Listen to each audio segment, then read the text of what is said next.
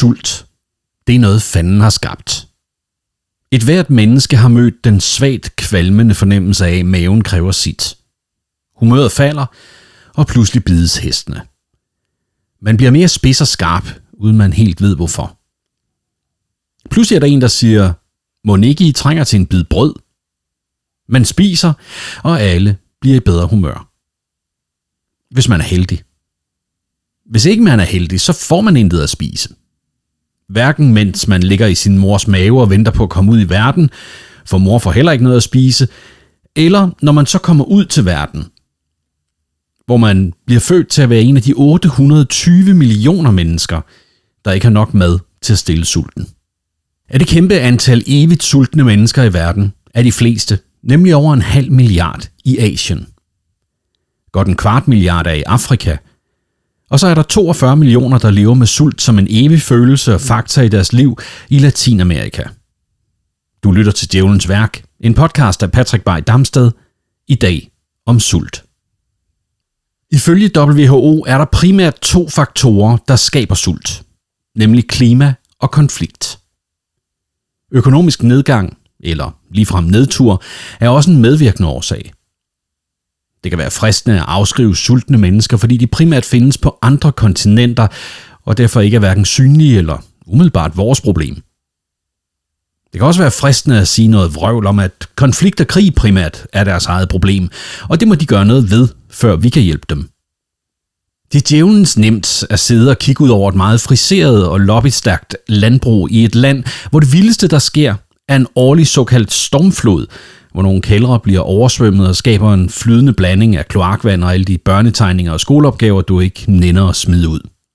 Til at se sin møjsommeligt dyrkede mark oversvømmet med græshopper, der ankommer i kæmpe flokke og hver dag æder sin egen kropsvægt af korn, indtil der ikke er mere at æde, og derfor flyver videre til næste mark og næste land.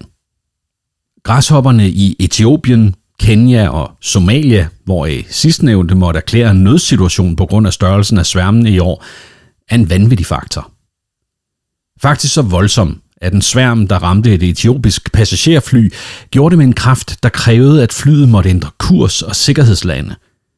Motorer, næse og forrude blev ramt med så mange græshopper, så længe, at vinduesviskerne ikke kunne nå at gøre sigtbarhed mulig, mens flyet var inde i sværmen hvorefter de måtte opgive at lande og finde en alternativ lufthavn. Men hvorfor spiser de så ikke bare græshopperne? De er en glimrende kilde til protein og findes jo et overvældende antal, vil nogen sikkert sige. Det er korrekt. Historisk har man spist græshopper, når de kom i sværme og åd ens afgrøder i Afrika, Mellemøsten, Sydasien og endda i Nordamerika.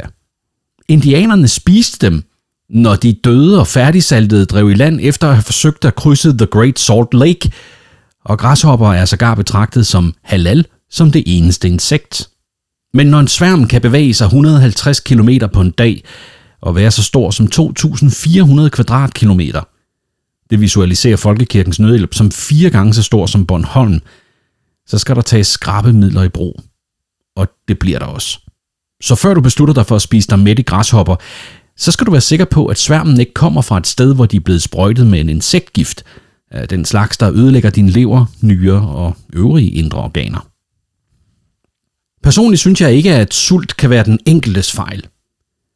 Hvad delen skulle det lille barn have gjort anderledes inde i sin mors mave, før det blev født?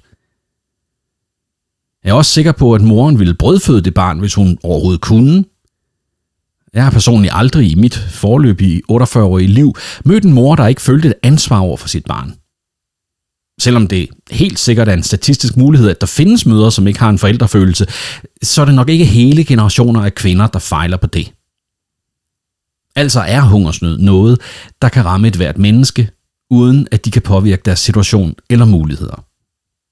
Derfor er hungersnød og sult et fælles problem for alle os mennesker på kloden. Nå, men her sidder jeg så og skriver om sult.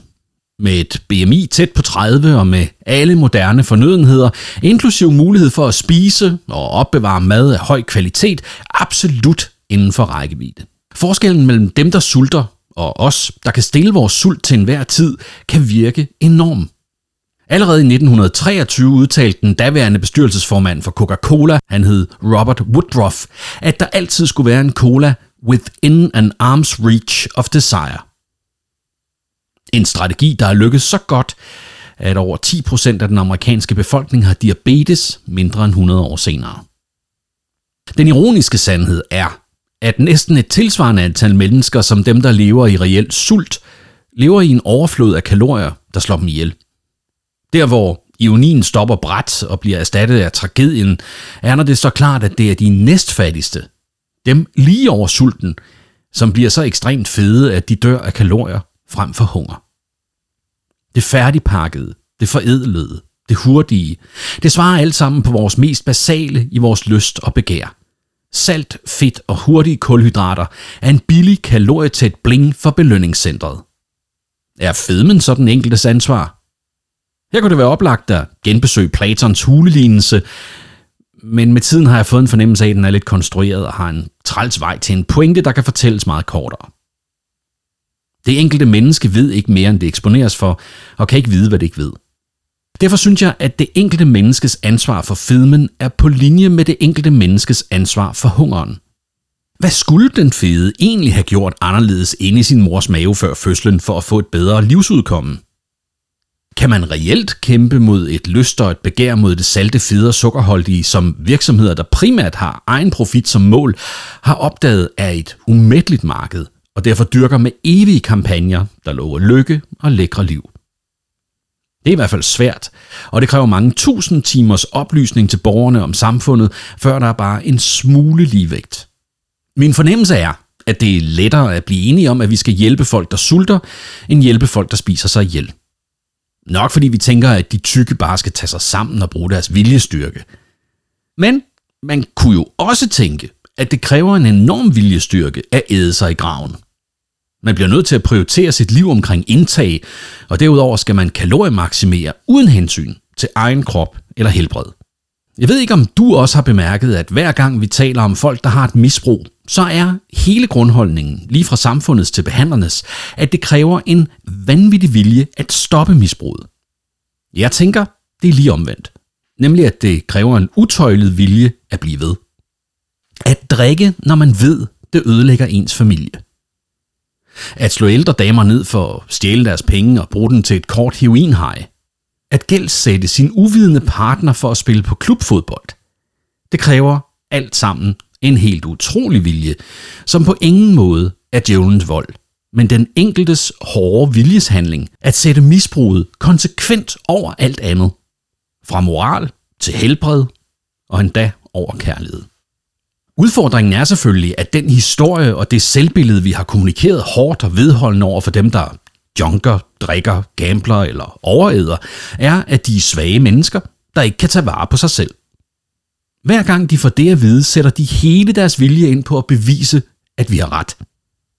De skammer sig endnu mere og beslutter sig endnu hårdere og mere vedholdende for at straffe sig selv for deres svigt og skyld med vilje. De historier, vi fortæller, bliver den sandhed, vi agerer i. Deraf Platons hulelignelse. Når der kommer en alternativ indsigt til noget gammelkendt, så fornægter eller ligefrem forbryder vi os mod den. Nye vidsheder lever et trangt liv. Indtil de bliver indoptaget af de bedst stillede, og derefter stille siver ned gennem samfundet og sætter sine spor over tid. Lige nu er faste det nye fede at vise styr på sine impulser og lægge ubrydelige rammer over, hvornår man spiser eller hvad, er i sin natur helt mod vores natur, hvor man spiser, når man kan, og det man har mulighed for at spise. Men omvendt er det måske også helt nødvendigt, når der nu ikke er andre grænser. Hverken hos dem, der skal fortælle os historien om vores lyst og begær mod salt, fedt og sukker, eller hos os selv i vores evigt underudviklede behovshierarki, der bogstaveligt talt lever i et andet årtusind end sin vært. Sult er en satan. Den impuls er så stærk og umulig at overhøre, som den er udviklet til at være. Den skal holde os i live, få os til at furgere, før det er for sent, minde os om dødeligheden, og ikke mindst skaffe brændstof til vores lille, men krævende hjerne, der godt nok kun er små 2% af vores kropsvægt, men som skånselsløst forbrænder 20% af de kalorier, vi har brug for på et døgn. Og det endda ligegyldigt, om den tænker eller ej. Og selvfølgelig også skaffe energi til vores store krop, som jo er instrumentet for vores følelser. Inklusiv den stærke følelse sult, som aldrig helt kan stilles. Måske er det anderledes om 10.000 år. Måske har kroppen justeret sig og hungrer mindre mod det salt, fedt og sukker, der tager livet af vores kroppe nu. Måske er markedet anderledes. Måske er det reguleret. Måske er det knap så umenneskeligt i sin trumlen. Men der vil stadig være en sult, som er indkodet i vores dybeste styresystem. Når den tomme mavesæk frigiver hormonet grelin til blodet, og stoffet når hjernen, opfatter hjernen det som en form for ubehag eller smerte, der skal fjernes. Lige nu gør vi det ved at fylde maven, og ofte samtidig sjælen med skam. Ikke fordi vi ved, at andre lider hungersnød, men fordi vi er dødeligt klar over, at vi burde være bedre til at sulte. Djævlen bliver skidt humør, hvis du liker denne podcast, og endnu mere trist, hvis du abonnerer. Hvis du rater den, daler humøret endnu et par grader i helvede, og værst er det at dele den med dine venner, kolleger eller familie. Du har lyttet til Djævlens Værk, en podcast om de ting, vi møder i hverdagen, som fanden har skabt. Idé, tekst og indtaling er af mig, Patrick Vej Damsted. Grafikken har Troels Berg lavet, og tak for det. Til vi høres ved igen. Ha' det godt.